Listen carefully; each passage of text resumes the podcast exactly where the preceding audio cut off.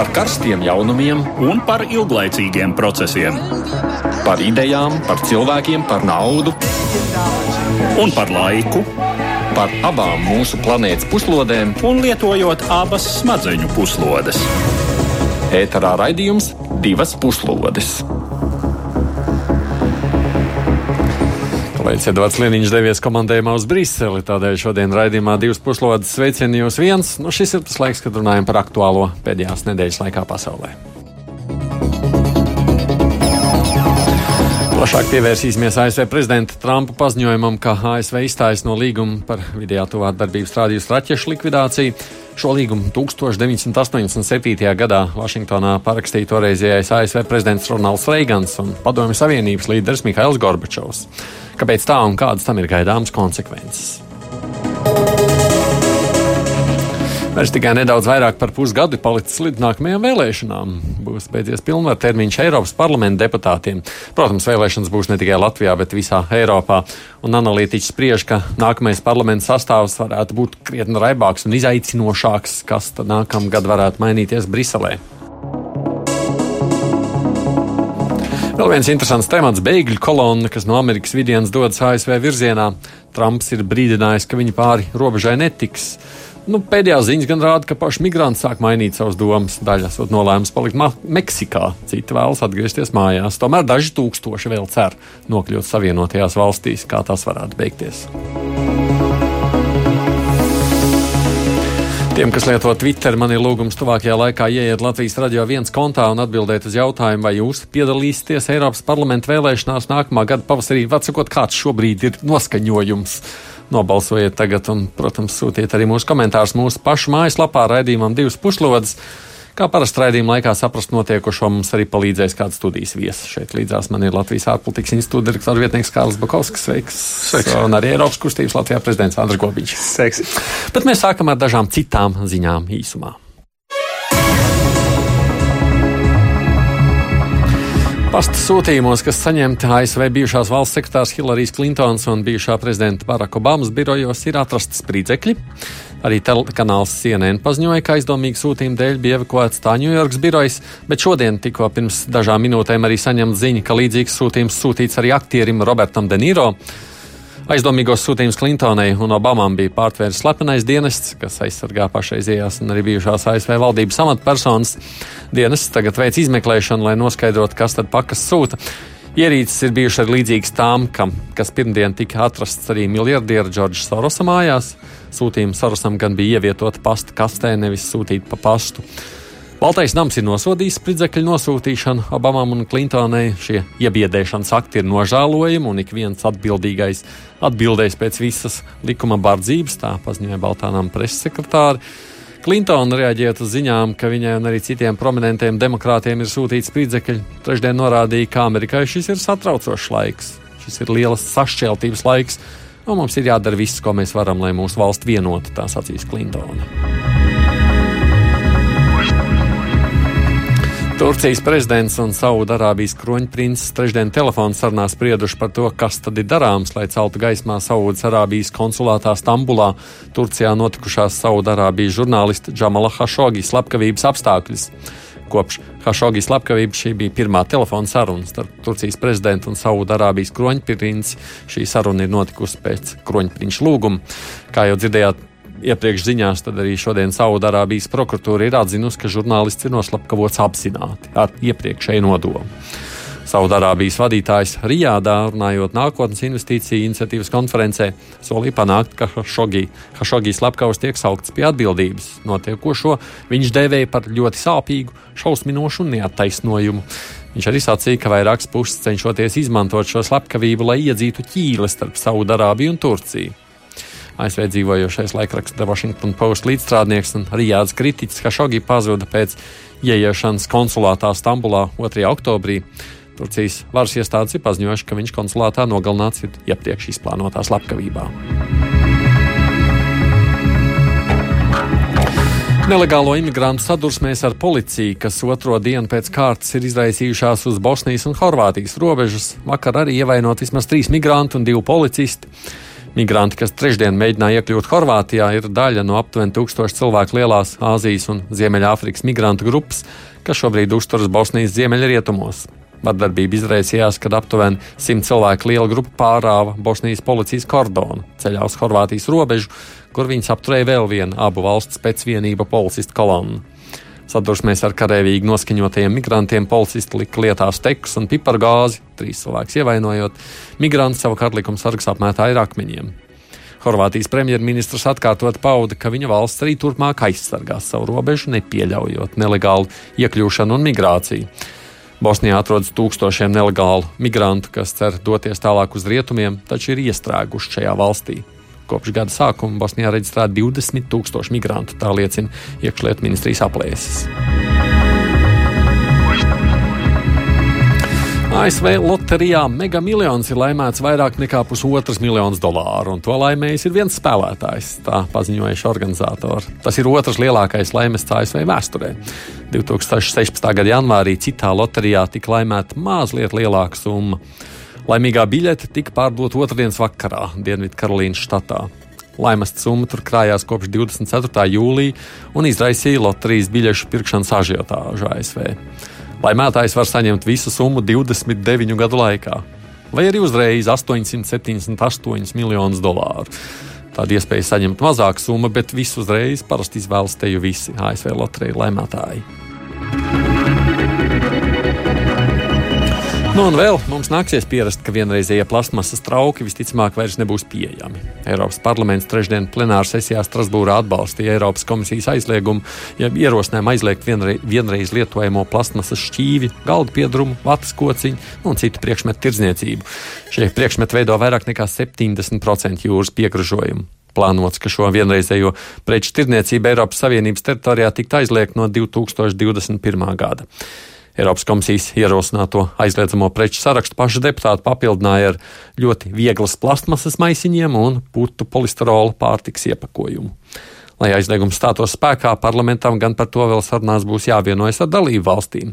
Tikmēr ražotājiem iespējas ir meklēt alternatīvas pieprasījumiem pēc vienreizējiem traukiem un arī citām precēm. Tādas tās ziņas tā šīsumā, bet, nu, Eiropas noskaņās mēs arī paliksim, lai gan lūkosimies uz notikumiem ne tikai Eiropā vienu. Eiropa šodien un rīt. Sadarbībā ar Eiropas parlamenta biroju Latvijā. Mēs gan sāksim vispirms ar pēdējās dienās visplašāk apspriestajiem jaunumiem. ASV prezidenta Donalda Trumpa paziņojumu izstāties no līguma par raķešu likvidāciju. Protams, arī šīs jautājums daudz interesē Eiropas kontekstā. Pagājušajā nedēļas nogalē ASV prezidents Donalds Trumps paziņoja, ka ASV izstāsies no līguma par vidējā un tuvā darbības rādījusa raķešu likvidāciju. Minētais līgums parakstīts augstā kara beigās, 1987. gadā, un tas aizliedz ASV un Krievijai uzturēt, ražot un testēt no zemes palaižamas vadāmas raķetes, kuru darbības rādījus ir 500 līdz 5,5 tūkstoši kilometru. Atbilstoši līgumam, abas puses iznīcināja gan nukleārās, gan konvencionālās raķetes raķetes, kā arī šo raķešu palaišanas iekārtas. Raķešu iznīcināšana tika pabeigta 1991. gadā, un pavisam tika iznīcināts vairāk nekā 2,5 tūkstoši raķetes.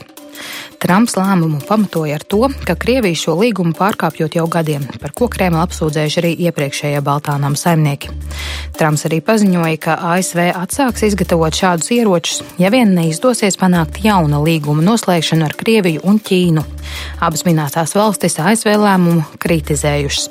Savukārt Eiropas komisija paziņojusi, ka šis līgums vairāk nekā 30 gadus ir kalpojis par Eiropas drošības stūrakmeni, aicinot ASV un Krieviju saglabāt konstruktīvu dialogu, lai šo līgumu saglabātu un nodrošinātu tā īstenošanu ne tikai uz papīra.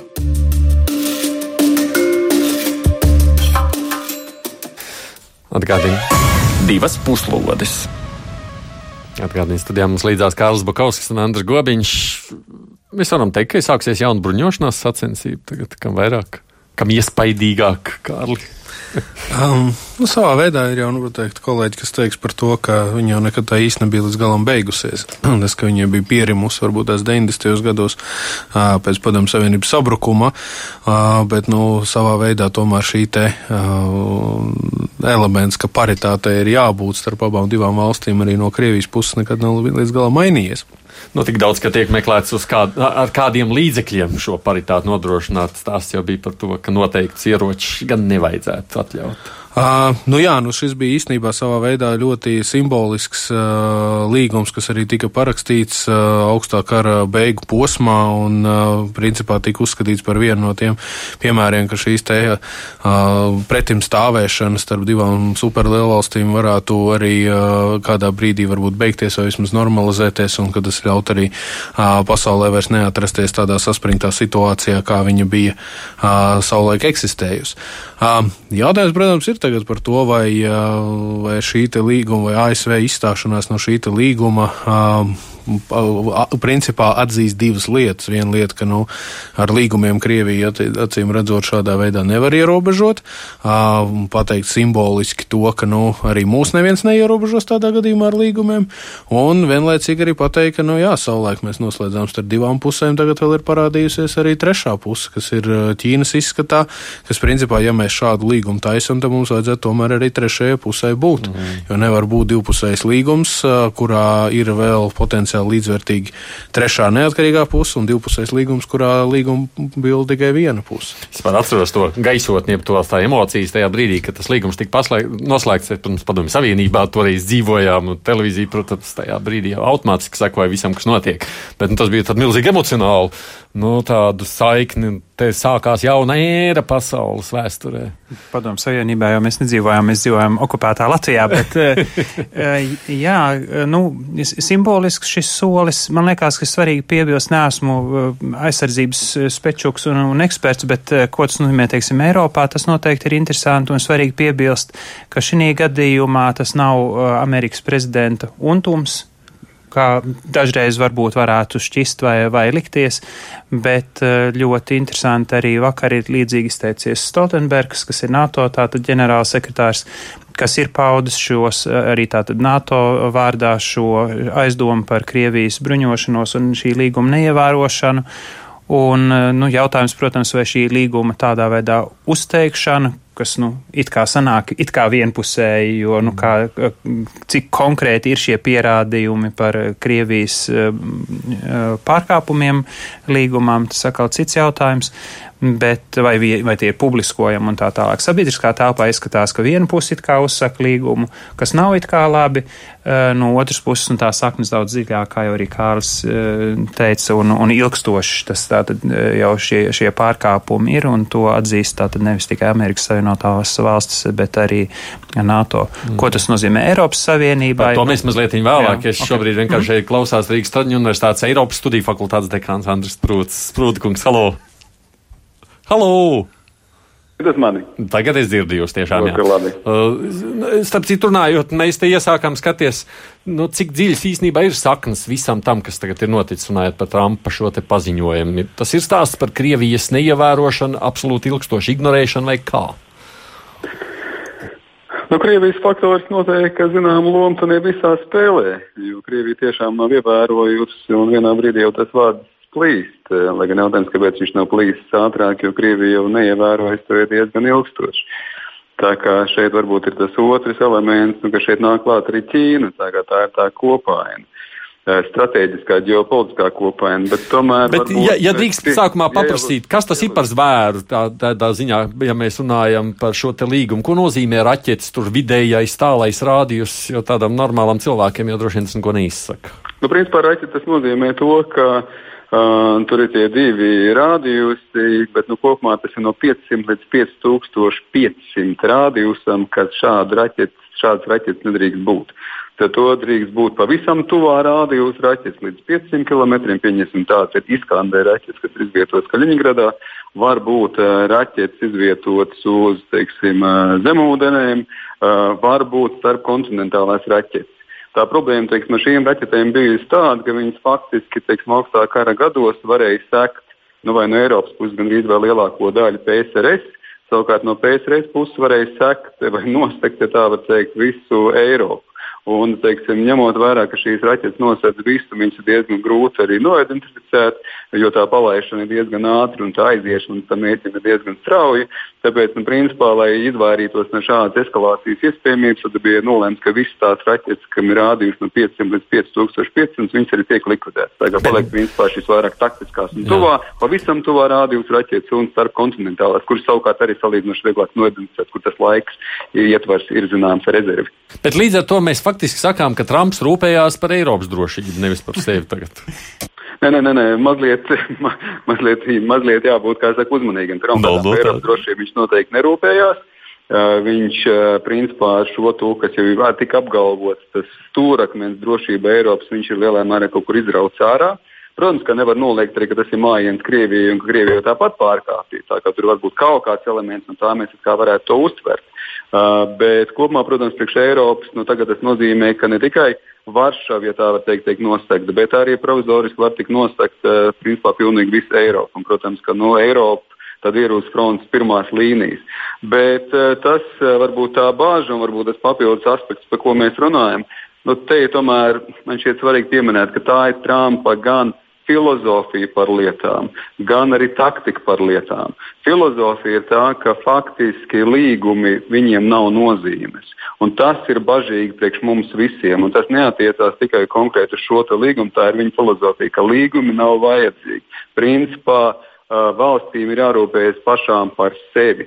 Un nav nevienam ne par ko īpaši jādomā un jārūpējas. Nekāda solidaritāte ir diezgan otršķirīga. Es negribu teikt, ka tas ir pilnībā dominējošs, bet kopumā Trumpa filozofijā tas ir spēcīgs elements. Un tas jau savā laikā izskanēja arī NATO. Paldies Dievam, kā saka, vismaz attiecībā uz NATO mēs esam tā nolikuši malā. Jo, bet savukārt ar šo vienošanos tur jau uzreiz valkās arī cits vienošanās, tā skaitā arī par strateģiskiem kodolieročiem, bet tā vien izskatās, ka arī tas priekš Trumpa īpaši nav svarīgi. Tā kā te ir tā filozofija, kas kopumā nu, nav mazām valstīm izdevīga, un tā skaitā arī Eiropai. Otrs elements ir taktika. Tas, kas arī tika pieminēts, ka nu, viņš jau ir piedraudējis, ka viņš izvilks ārā teiksim, ASV klātbūt no šīs vienošanās, ja Ķīna un Krievija neizpildīs. Tas ir arī viņa tāds zināmā veidā sarunu vešanas process biznesa sarunu vešanas procesu, pacelt to latiņu pēc iespējas augstāk, pēc iespējas dramatiskā līmenī, un tad mēģināt panākt arī zinām piekāpšanos. Kopumā gan filozofija, gan stils, nu, viņš var darīt, vai šie stili un, pies, un, un taktika un teiksim, filozofija var darīt mūs visus ļoti piesardzīgus. Tā kā tas nav tikai par Krieviju, par Ķīnu un par Eiropu, tas ir kopumā par to, kādā pasaulē mēs dzīvojam. Mm. Andris Prūts, paldies. Viņš ir arī, protams, ārpolitika institūta vadītājs.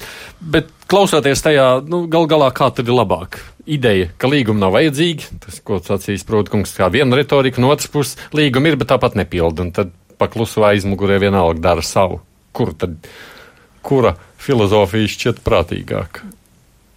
Nu, visprātīgākais droši vien būtu bijis trešais ceļš strādāt uz to, lai būtu līgums. Nu, pirmkārt, lai nu, nu, nolikt to pašu uh, Putinu tālēni izsakoties uz lāpstiņām un, un pateikt, nu, klau, tagad uh, pildām un, un šāds ir jaunais līgums un, un kopīgi visi rietumu valstis uh, uz to uzstāja un attiecīgi, ja, ja tas netiek pildīts, paaugstina sankcijas un, un citas lietas.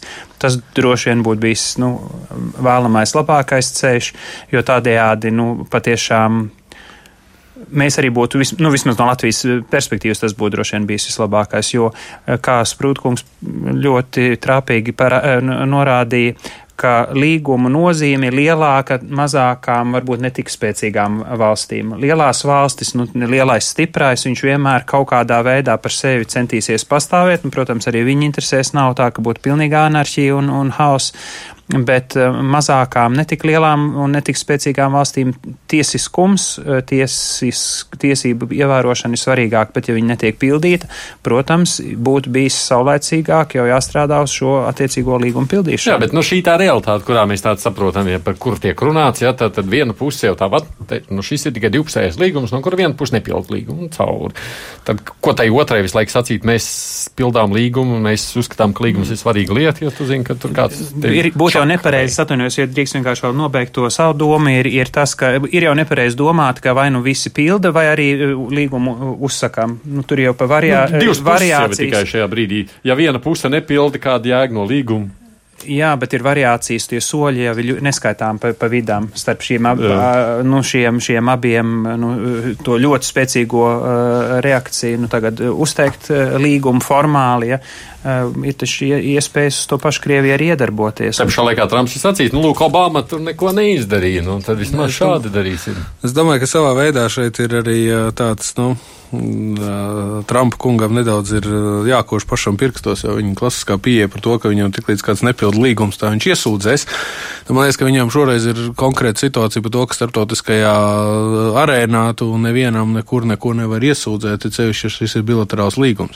Tev nav starptautiskas tiesas, mhm. kurā šis te, kura, kura lems par to, kādā veidā Krievija sodīt. Nepild, nepild. Līdz ar to viņa, viņa klasiskā pieeja par to, ka, nu, es tevi iesūdzēšu, tu man maksāsi, nu, tas ir vienkārši acīm redzot nedarbojās. Un savā veidā Krievija parāda arī šo te uh, realitāti, kurā Trumpa kungam ir tagad uh, jāfunkcionē. Bet uh, kopumā skatoties, protams, ka nu, Trumpa kungam ir ne, ne, ne nav runa tikai par uh, izpratni par līgumiem un uh, šo te uh, mērīšanu, ar, samērīšanu ar valsts iespējām un valsts varu un, un, un instrumentāru izmantošanu. Te bija arī runa par to, ka Trumpa kungs acīm redzot, ņemot vērā visas iepriekšējās tikšanās un vispārējo, viņš daudz labāk jūtās uh, bilad, nu, divpusējā pol, uh, politikā, divpusējās sarunās, viņš daudz labāk jūtās uh, vienpusējās darbībās nekā viņš daudzpusējos multilaterālos formātos. Tāpēc līdz ar to viņa, viņa, viņa sadarbības centieni nav līdz galam. Tas, šis nav viņa žanrs, respektīvi multilaterālā politika, daudzpusējā politika, kur ir iesaistīts vairākas valsts un līdzvērtīgas valsts nav īsti viņa. Viņam ir tāda pieeja, kas ir, nu, kā es, kā es teikšu, tā tam ir jābūt, un kā Amerika teiks, kā Amerika darīs, tā tam ir jābūt. Mums nekas ierobežot nedrīkst šajā gadījumā. Mūsu dzird šobrīd ir Jānis Pabriks, kurš joprojām vēl ir pagaidām Eiropas parlamenta deputāts. Pabrikungs, halo! Jā, labdien! Labdien! Ko sakāt, ko Eiropas parlamenta gaitiņos deputāti runāja vai saka par šo Trumpa lēmumu?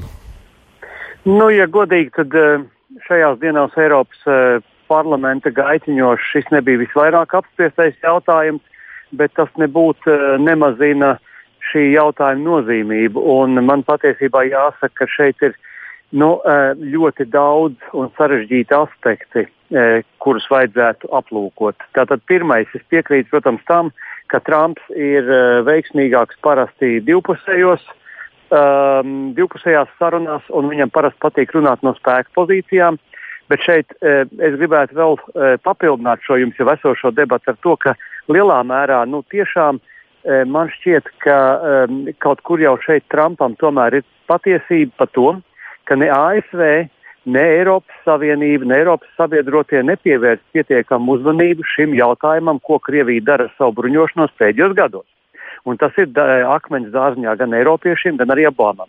Tālāk Trumpam, protams, šeit ir jāredz tas ne tikai divpusējās attiecībās ar Krieviju, bet arī attiecībās ar Ķīnu. Un viņš saprot gana labi, un arī mēs to saprotam, ka Krievija uh, novērtē spēli no spēka pozīcijām. Šeit uh, Boltons, tātad, nu, Trumpa um, ārlietu tātad, uh, padomnieks arī devās vienlaikus uz Maskavu. Mēs nezinām detaļās, protams, ko viņi runāja, bet es domāju, ka tā vēsts bija vienlaikus gan burkāns, gan pātaka. Īsi sakot, um, saprotot, ka jums arī laiks ir ierobežots, es uh, šeit būtu diezgan uzmanīgs nosodot Trumpu šajā gadījumā, jo es redzu virkni um, nu, nepieciešamības viņam arī tā rīkoties, lai arī tas ir tādā Trumpa stilā. Un, teiksim, tā Trumpa kritika, kas saka, ka, nu, redziet, varēja arī šī līguma, divpusējā līguma ietvaros arī runāt un darīt kaut ko. Nu, saprotiet, ar Krieviju jau bieži ir ļoti grūti runāt, jo tas ir tas, ko, piemēram, piedāvā pašreiz Itāļi, atceļot, piemēram, sankcijas vai piedāvājot atcelt sankcijas, uzsāksim dialogu. Ziniet, dialogs, vēlreiz atkārtoju, dialogs pats par sevi nav politika. Mums jāzina, kāds ir mērķis, ko mēs gribam sasniegt.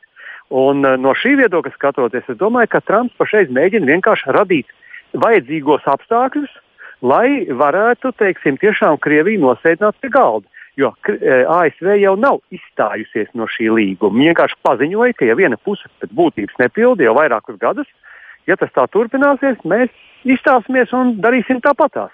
Un lielā mērā tas nedaudz atgādina arī Reigana politiku, ar kuras palīdzību viņš nosēdināja Gorbačovu pie galda 87. gadā. Mm.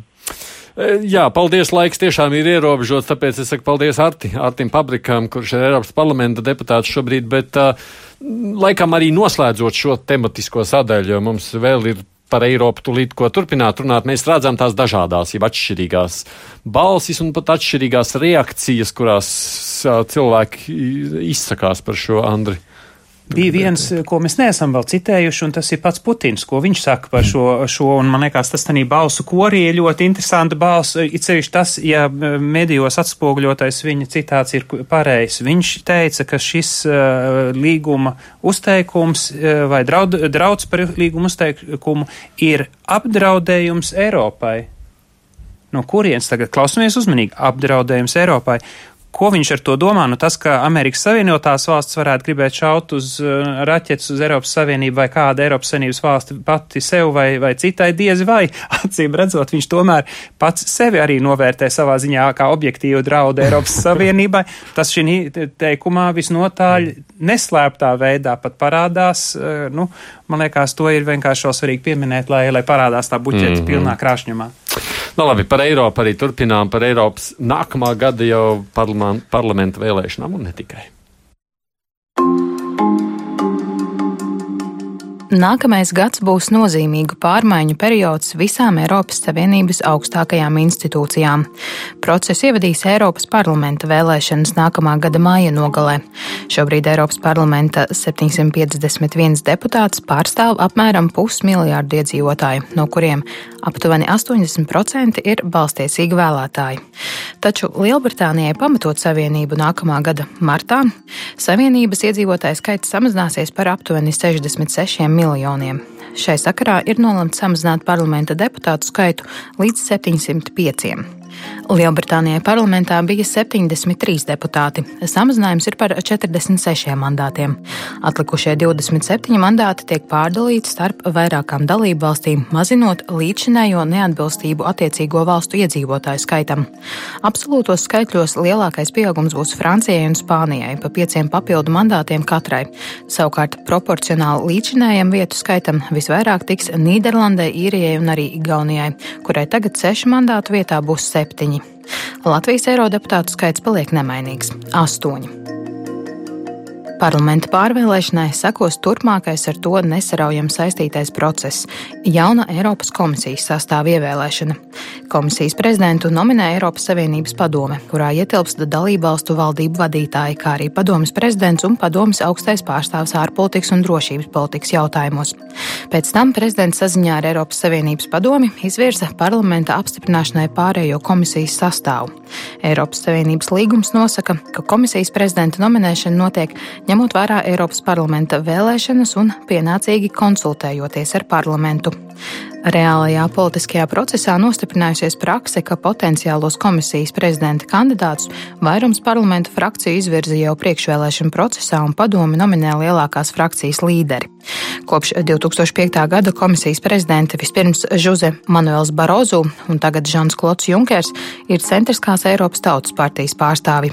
Tā kā komisijas prezidents var tikt pārvēlēts uz otru termiņu, Žans Klots Junkers varētu palikt savā vietā vēl uz pieciem gadiem, protams, ja Tautas partija saglabās savas pozīcijas Eiropas parlamentā. Eiropas komisijas prezidents ir pilnvaru ziņā ietekmīgākā figūra Savienības pārvaldes struktūrās, taču pēdējā desmitgadē kā otrs nozīmīgs varas nesējs izvirzījies arī Eiropas padomas prezidents. Abu šo posteņu attiecības un varas funkciju sadala joprojām ir attīstības procesā. Eiropas komisija ir Savienības kopējās politikas īstenotāja, taču galīgā strateģisko lēmumu pieņemšana ir padomas ziņā. Šī gada novembrī beidzas pašreizējā padomas prezidenta Donalda Tuska otrais pilnvaru termiņš. Tāpat novembrī izšķirsies, vai uz otro termiņu savā amatā paliks Savienības augstā pārstāva ārpolitikas un drošības politikas jautājumos Federika Mogherini.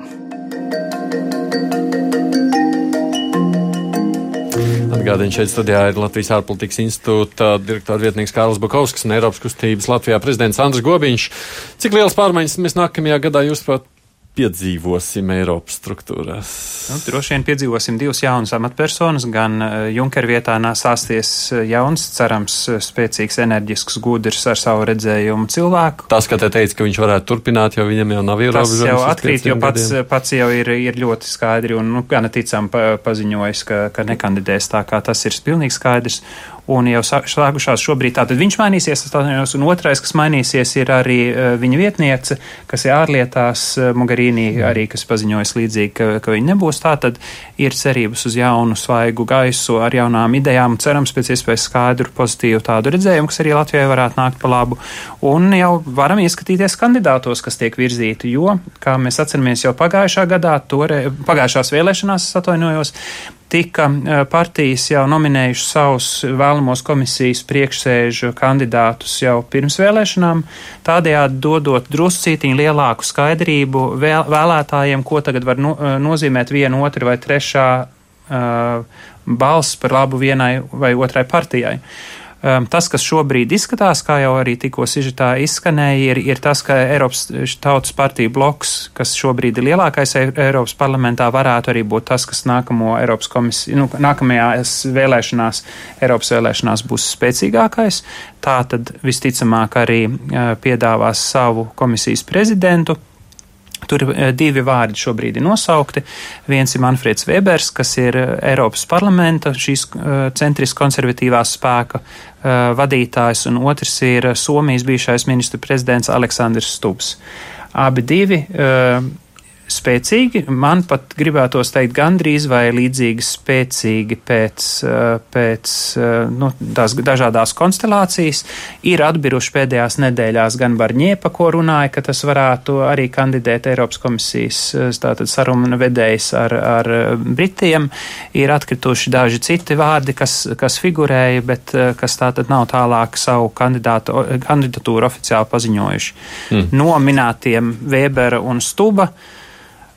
Um, abiem ir plusi un mīnusi. Uh, Stubs ir atpazīstamāks, jaunāks, enerģi, ne, jaunāks pēc skata, vai viņš pēc gadiem ir īsti jaunāks, to grūti būtu pat jā, būt jāpaskatās. Abi divi tādi, nu, patiešām cita paudze, kā, kā Junkers. Uh, um, uh, atpazīstamāks. Uh, Weberam savukārt to, ka viņš Eiropas parlamentā ilgstoši bijis uh, attiecīgās amatos, nu, viņš arī gana labi. Um, orientējās, eh, gana labi kontakti viņam ir, kas arī varētu viņam nākt pa labu. Kāpēc mana balss tomēr kristu par labu stubam ir eh, Krievijas jautājums kopumā, lai gan arī stubam ir daži tādi izteikumi un, un darbības pat, kad viņš bija ministrs prezidents, kas nav gluži ideāli Krievijas eh, kontekstā.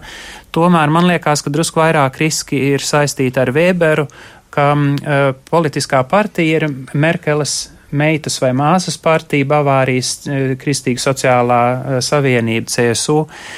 Um, lai gan pats Vēbers nav izcēlies ar, ar milzīgiem putinofīliem vai, vai dīvainiem izlecieniem, tad uh, tomēr viņa partijā, kas tomēr ir viņa nu, mājas savā ziņā, Tur ir bijuši vienmēr visādi tādi dīvaini alternatīvas ār, ārpolitikas centieni un mēģinājumi, eh, kas parasti eh, rezultējās tādās draugošanās mēģinājumos ar Putinu, kad attiecīgās Bavārijas ministru prezidents tur aizbrauc safotografēties eh, vai spiest roku tanī brīdī, kur Putinam ir slikti un tam līdzīgi.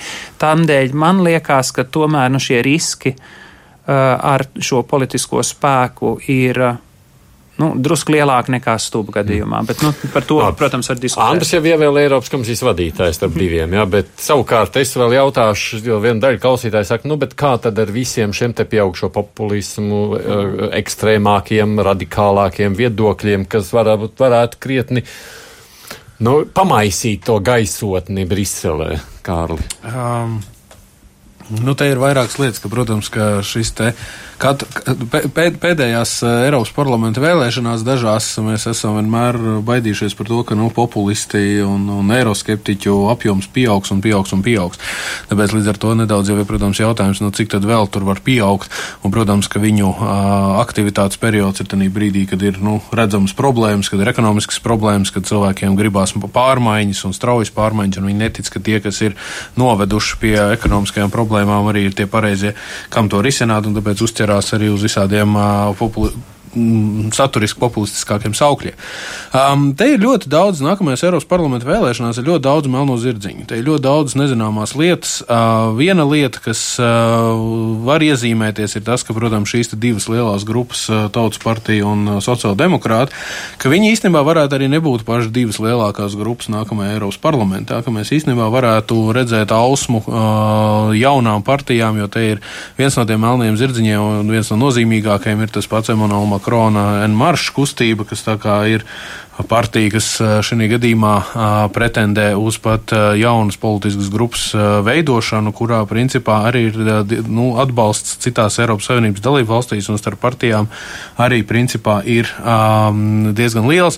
Rezultātā, principā, ja viņi izmantotu tādas pašas metodes komunikācijā un politiskajā mm, Tik, tikpat teiksim, tā, aizraujošas un visus ķerošas un formāli populistiskas metodes, kā, ir, kā, kā izmantoja pats Makrona kungs, lai tiktu ievēlēts par Francijas prezidentu, tad lielā mērā mēs varam sagaidīt to, ka mums Eiropas parlamentā patiešām, ja ne pirmā, tad otrā lielākā partija varētu būt tāda, kādu mēs vēl šobrīd ne, neredzam un -hmm. neesam redzējuši. Um, protams, ka šeit ir ļoti svarīgs, un es Andriem piekrītu par to, ka Stubakungs varbūt tās ir savā veidā harizmātiskāks, redzamāks, viņš ir eh, aizraujošāks, kas ir ļoti būtisks elements no tā viedokļa, ka principā, lai Eiropas parlamenta vēlēšanās uzvarētu, lai Eiropas parlamenta vēlēšanās ievēlētu, teiksim, tās pragmatiski domājošās un uz ilgtermiņa Eiropas Savienības eksistenci orientētās politiskās partijas un spēkus, viņām ir absolūti nepieciešams kļūt popsīgākām. Mm. Un šī gadījumā. Bet jau Junkaram nebija nekāds popsīgums. Paskaties, um, Junkaram, Junkaram sava veida popsīgums bija, šajā te stāstā bija, bet Junkara, Junkara gadījums jau, redz, Junkara gadījums nebija gluži uh, tas, tas, par ko es runāju. Junkara gadījums īstenībā bija sava veida piemērs vēl vecajai uh, mm. vēlēšanu sistēmai, kad, nu, tad caur partijām izmalām cauri to līderi, atradām, jo gal galā mūsu pašu valsts Dombrovskis arī bija viens no jā, potenciālajiem. Jā, jā. Bet atceramies, bija tur kaut kāds debats publiskās. Bija, bija Junkara kungs vēl bija šeit Rīgā, vēl jā, Berga, jā, jā. Berga bazārā vēl bija lekcija, kurā viņš reklamēja pats sevi.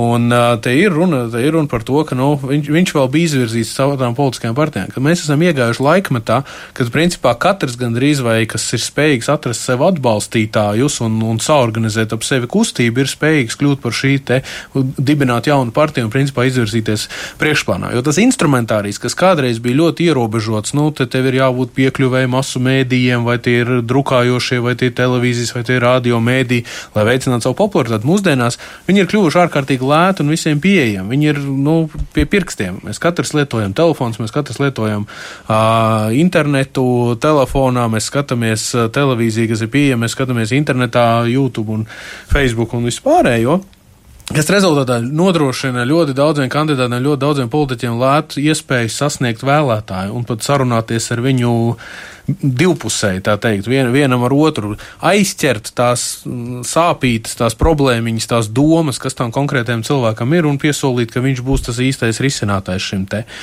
Un rezultātā ar, ši, ar šīm jaunajām, modernām tehnoloģijām, un, uh, kur, kur var aizsniegt katru, plus vēl arī situācijā, kad vēlētājs savā veidā tomēr skatās uz kaut ko, kas ir aizraujošs, kas ir interesants. Ja šīs te EPP un uh, sociāldemokrāti un, un, un pārējās, kas ir esošās partijas, neatradīs kandidāts, kas patiešām ir harizmātiski un aizraujoši, viņas principā viņām uzvarēt būs ļoti, ļoti grūti un uzvarēs principā tie politiķi, kas spēs uh, aizraut sabiedrību.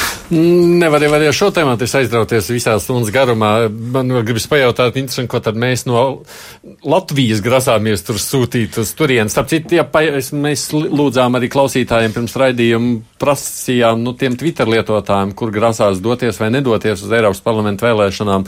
Nu, tie, kas ir Twitterī, noteikti ir politiski aktīvāki. Tie vienmēr cilvēki vairāk balsot. Te mums 90% saka, ka viņi ies balsot, bet ko tur mēs tur nezaizsūtīsim? Man liekas, ka tiešām citas valstis var mācīties no Latvijas. Latvija, eh, Latvijas vēlētājs eh, pēdējās parlamentu vēlēšanās, eh, to, ko toreiz tās vēl sauc par Eiropas parlamentu vēlēšanās, šobrīd drusku pamainīts nosaukums, tas tagad ir Eiropas vēlēšanas, tādējādi parādot to, ka nu, arī Eiropas komisijas vadība no tā ir atkarīga. Termina maiņa, kas tomēr indicē mazliet to, to drusku lielāko nozīmi konkrētam jautājumam. Tā tad, ko var mācīties citas valsts no Latvijas, ir tas, ka mums sarakstos tikpat kā visā visām partijām bija pieredzējuši politiķi, kas jau iepriekš ir bijuši ministri, ministru prezidenti un tam līdzīgos amatos. Tādējādi nodrošināt arī to, ka mūsu um, Eiropas parlamenta deputāti ir ievērojami uh, nozīmīgākos amatos un um, attiecīgi pie lemšanas spēcīgāk var un labāk var pārstāvēt šīs Latvijas intereses nekā citu Eiropas valstu uh, deputāti. Skatāmies ietekmīgāko uh, deputātu Uh, sarakstos tur Latvieš, Latvijas pārstāvi būs vairāk uh, nekā proporcionāli citām valstīm. Tas ir saistīts ar šo cilvēku tātad iepriekšējo pieredzi uh, dažādos amatos, un mēs varam skatīties dažādās partiju grupās. Visos nu, ir patiešām Latvijas šie, šie deputāti ir ievēlēti, un es ceru, ka līdzīgi atbildīgi, kā tas bija iepriekšējās vēlēšanās, kur balsotāji par spīti šiem arī riskiem un draudiem, nu kā tad tur būs ar populistiem un kaut kādi galīgi trakie varbūt tiks ievēlēti, tad tas skaits ir tomēr eh, lielākais skaits balsotāji izvēlējās centriski Eh, daudz maz centriskos mm. spēkus, kas arī Eiropas parlamentā ir visietekmīgākie un caur ko arī Latvijai caur šo Eiropas parlamentu ir bijusi salīdzinoši lielāka ietekme nekā citiem. Pavisam īsi, Kārli. Uh, nē, pavisam īsi, es Andrejam absolūti piekrītu, un ka šis, šis te kvalitātes un uh, senioritātes aspekts uh, attiecās arī uz mūsu Eiropas parlamenta uh, deputātiem, un ņemot vērā, ka nu, viņi arī Eiropas parlamentā veido karjeras un līdz ar to ievēlē tos, kas tur jau ir bijuši, un šī nav reklāma. Mm. Mm. Vienkārši piemērs. Nu, potenciāli mēs varam domāt, ka, ja gadījumā Roberts Zīle, piemēram, tiek ievēlēts, viņš varētu arī pretendēt uz vienu no 14 Eiropas parlamenta viceprezidenta amatiem. Jo, nu, principā sasniedz, nu, jau zinām, mm senioritāte un pieredze tur ir sasniegta, kas tiek novērta. Nu, labi, tik tālu par Eiropas parlamentu mēs vēl noteikti daudz runāsim, bet nu, tik daudz šodien par šīm te nākamgad gaidāmajām vēlēšanām. Eiropa šodien un rīt sadarbībā ar Eiropas parlamenta biroju Latvijā. Nu, ir vēl viens temats, kam gribas pievērst mazliet atsevišķu uzmanību. Tas ir stāsts par migrāciju. Tik daudz vienīgais, ja mēs daudz vairāk esam par to runājuši Eiropas kontekstā, šoreiz pievēršamies Amerikas kontinentam. 12. oktobrī migrantu kolonna ar cilvēkiem no dažādām Dienvidamerikas valstīm devās ceļā uz ASV. Kolona izveidojās Hondurasā un kopš tās došanās ceļā tai patstāvīgi pievienojas jauni cilvēki. Precīzi cilvēku skaits kolonnā gan nav zināms. The Guardian raksta, ka Meksikas iekšlietu ministrija saskaitījusi ap 4,5 tūkstošiem, bet tā nav vairāk nekā 7 tūkstoši migrantu. Viņš žurnālistiem stāsta, ka bēg no nabadzības un vārdarbības savās dzimtenēs.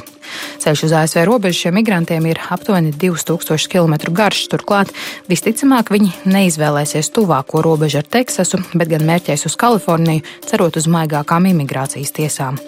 Daži migranti žurnālistiem sacījuši, ka nemaz nepieteiksies patvērumu meklētāju statusam ASV, bet gan mēģinās robežu šķērsot nelegāli.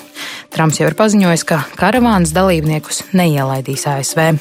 Savā Twitter kontā prezidents rakstījis, ka tiem cilvēkiem, kuri atbalsta nelegālos imigrantus, vajadzētu paskatīties uz to, kas noticis Eiropā pēdējos piecos gados. Jāpiebilst, ka migrantu kolonna kļūs arī par būtisku jautājumu ASV gaidāmo vidējā termiņa vēlēšanu kontekstā.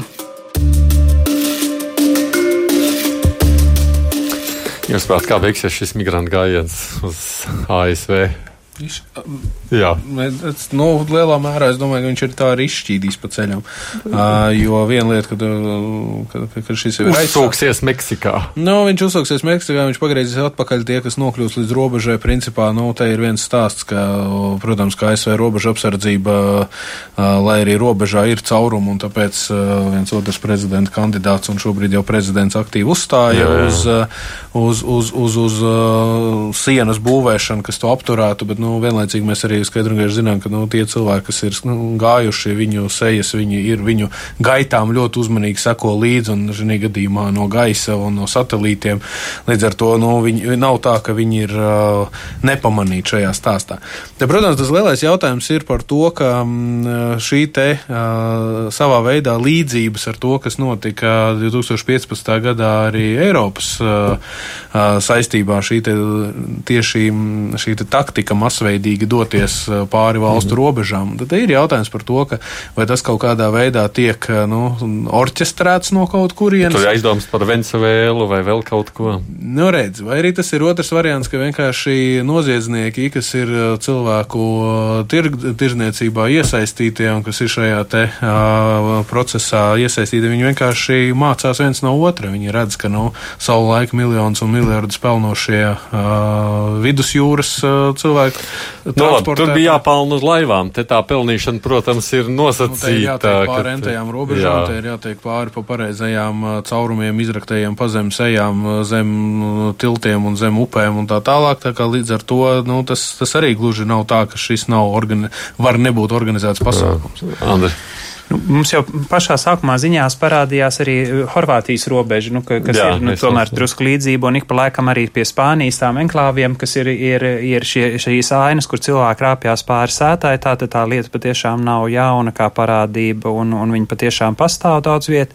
Jautājums, kā uz to rīkoties, es aicinātu skatīties uz lietas saknēm un pamatu problēmām, un nu, tādā brīdī, kur cilvēkam būs darbs un, un savu veidu karjeras iespējas un iztikas iespējas savās mājās, tā motivācija cilvēkam doties prom cauri, staigājot kājām karavānā vai individuāli cauri tur vienai, divām vai tri, trim valstīm, būs gana maza. Nu, tas jau jā. Liekas, tas ir tas, ko Eiropa var sarunās ar to pašu uh, Amerikas Savienotām valstīm, apvienotā nāciju līmenī un citādāk risināt, patiešām pievērsties pie saknēm, pie problēmām, uh, kas ir klimata pārmaiņas, kas, teiksim, neļauj cilvēkam lauksaimniecībā nopelnīt pietiekam naudiņas. Tas nozīmē godību, tir, godīgu tirdzniecības politiku Nu, Honda... Lai šīs valstis var pārdot savus preces par godīgu cenu, tas nozīmē no Eiropas Savienībā un citur. Tas nozīmē ne, ne samazināt, strauji samazināt vienkārši vaiprātīgās subsīdijas, kas tiek. Nu, labi, labi, es, mūsu, es uz Ameriku, es uz Ameriku, jo tur arī tas Amerikā ir. Tur... Amerikā arī tiek subsidēta lauksa, lauksaimniecība. Tātad viņi paši rada savā ziņā šos iemeslus cilvēkam atstāt savus mājas, un tāpēc tam brīnīties par to, ka migrācijas vilnis viens otrs lielāks, mazāks individuāls vai, vai organizēts pilsētas uh, rodas. Nu, Jā, Agne, drusku novēlēt. Agnes Lācis, kas ir no Providas pētniecības migrācijas jomā, mūs dzird. Agnes, halo! Sveiki! Sveicināti! Ko jūs sakāt par to, kas šobrīd notiek uh, šajā gājienā?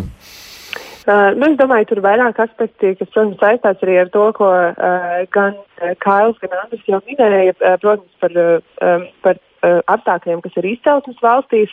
Uh, šeit gan mēs uh, daudz vairāk runājam par um, augsto noziedzību. Jā, noziedzību drošības jautājums? Un drošības jautājumiem, kas ir, teiksim, atšķirīgi no militārā konflikta gadījumiem, bet arī līdz šim uh, ASV patvērumu varēja saņemt uh, cilvēki no valstīm, kur, uh, teiksim, drošība uh, netiek nodrošināta no valsts valdības puses. Šobrīd tas ir tagad kļuvis ie, ierobežotāks un, teiksim, tās uh, intervijas un pārbaudas, lai patiešām pārliecinātos, ka cilvēkiem pienāks patvērums, uh, kas, teiksim, gadījumā no Hondurasas uh, pavisam noteikti varētu pienākties iepriekšējās ASV politikas ietvaros, tad šobrīd tas uh, nemaz vairs nav iespējams. Otrs par to, cik lielā mērā šis ir kaut kas orķestrēts vai organizēts.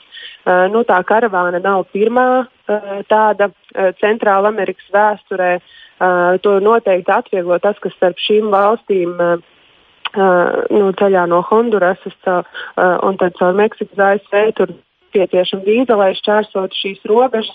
Un tas īstenībā ir arī lētāk nekā maksāt tā uh, saucamajiem kojotiem, lai viņus kaut kā nogādātu līdz ASV robežai. Un es domāju, ka galvenais izaicinājums, ko šāda karavāna atspoguļo un ko lielā mērā atspoguļoja arī uh, situācija Eiropas Savienībā pēdējos gados, um, ir uh, ne tik daudz, uh, nu, protams, ir jāpievēršās uh, saknei, problēmas saknei, bet otrs ir arī uh, par to, kādi e, šobrīd ir leģitīvi iemesli, lai cilvēkus ielaistu valstī, lai piešķirtu patvērumu. Šis Centrāla Amerikas gadījums pavisam noteikti izgaismo uh, papildus drošības aspektus, klimata jautājumus, pārvaldības jautājumus, kā tos, kas būs jāņem vērā plānojot migrācijas politiku nākotnē.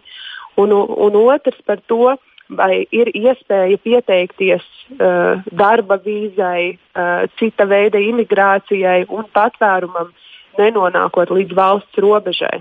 Jo, uh, ja ASV tas līdz šim bija uh, vienkāršāk iespējams dažādu teiksim, pārvietošanas programmu, resettlement programmu ietveros, uh, Eiropas Savienībā tas vispār nav bijis pārāk populāri, tad šobrīd uh, gan Eiropas Savienībā, gan ASV tā situācija ir tāda, ka ir jānonāk valstī, lai pieprasītu patvērumu. Un tad uh, ar tādas politikas palīdzību mēs principā veicinām šāda veida kustību.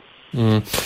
Jā, Agnes Lācis, paldies, pravadis pētniece. Laiks vienmēr ierobežojas, jau vēl būtu jautājums, varbūt tas pēdējais aspekts, ko gan es nevaru īsti nepieminēt. Amerikā tulīt ir vidustermiņa vēlēšanas, un Trumpam šķiet šis ļoti labi izdevīgi, jo es saprotu, tas um, no politiskā viedokļa Trumps stingrā nostāja, sakot, mēs iekšā, nu, nu skaidrs, kurš te grib kādu karavānu ielaižu iekšā nelegāli. Trumpam labvēlīgie mēdī šo noteikti īpaši izmanto Jā. attiecīgās kopējās gaisotnes veidošanā, bet arī mums tikko bija vēlēšanas un varbūt uz pašu noslēgumu var trīs vēlējumus, kas nav tik tieši ar, ar Trumpu saistīti, bet vienkārši kā vēlējums pateikt mūsu valdības veidošanā, kas saistās ar Eiropas eh, Savienības jautājumiem. Vismaz eh, diskusijās par valdības veidošanu man gribētos pilnīgi ne pa, tēmu, ne pa šīs dienas tēmu aicināt ļoti nopietni apsvērt eh, jautājumu, vai Eiropas Savienības jautājumiem, piemēram, būtu jābūt pie ministra prezidenta, nevis ārlietu ministrijā, kas varētu stiprināt mūsu ministra prezidenta pozīcijas Eiropas visos sarunās par budžetu, par visām, nu, kur arī šos migrācijas jautājumus varētu attiecīgi kvalitātīvāk nākotnē risināt un, un modulēt un koordinēt. Otrais ir um, tas, ka vispārīgi būtu skaidrs redzējums visos lielajos Eiropas nākotnes jautājumos, tā skaitā migrācija, tā skaitā patvērumu jautājums, kurus Agnets uh, pieminēja. Nu, izstrādājam tiešām jau arī šobrīd deklarācijā ieliekam galvenos uh, atslēgus vai tos fundamentus nākotnes Eiropas politikā. Un trešais ļoti būtiskais ir apzināmies pilsoniskās sabiedrības lomu visā šī procesā, gan valdības deklarāciju veidošanā, gan Eiropas jautājumu un lielo problēmu un risinājumu risinājumu meklēšanā, kur tātad biedrības nodibinājumi var spēlēt ļoti svarīgu lomu, kur ir ļoti liela ekspertīze, un eh, lai šo ekspertīzi izmantotu un arī veicinātu pozitīvu lobiju Eiropas līmenī, arī tam ir vajadzīgs savs finansējums, lai patiešām kvalitatīvu lēmumu tiktu pieņemtu gan Latvijā, gan Eiropā. Bet beigās tomēr Kārlim atgriežoties pie tēmā, tad novēlējums demokrātiem Amerikas, ko darīt šajā brīdī? Es domāju, ka vēlēt vai nevēlēt viņiem, respektīvi Amerikas demokrātiem, es domāju, ka nu, tur tā, ne, tur tā reakcija mēdījos un daudz, daudz vairāk, daudz vairāk mēdī tomēr ir demokrātu pusē un demokrātu kontrolē tā teikt, un šajā gadījumā, protams, tie argumenti būs. Bet, um, protams, ka lielā mērā šī visa situācija, viņa varbūt tās tieši tā kā arī uh, tika minēts, ka spēlē varbūt Trumpa kungam nedaudz vairāk pa labu un republikāņiem nedaudz vairāk pa labu, tikai tāpēc, ka tā, tas ir savā veidā. Šobrīd ir tieši notiek situācija tā, no kuras viņi tik ļoti baidīja, Jā. baidīja visus pārējos un teica, ka tā tas notiksies, un viņš ļoti veiksmīgi arī izmanto, sakot, ka tur daļa esot MS-13 un kas tikai vēl ne, kādu briesmoņu nākot uz Ameriku un ka viņi jau nesot tie labākie, kas aizsargās atšķirībā no demokratiem, kas to visu grib laist iekšā. Šārlis Bakovskis ir Latvijas ārpolitikas institūta pētnieks, direktora vietnieks Eiropas kustības Latvijā prezidents Andris Goviņš. Paldies, ka atnācāt! Ienācāt. Protams, producenti jau Valēna studijā bija es Aits Tamsons uz tikšanos atkal nākamajā ceturtdienā. Divas puslodes!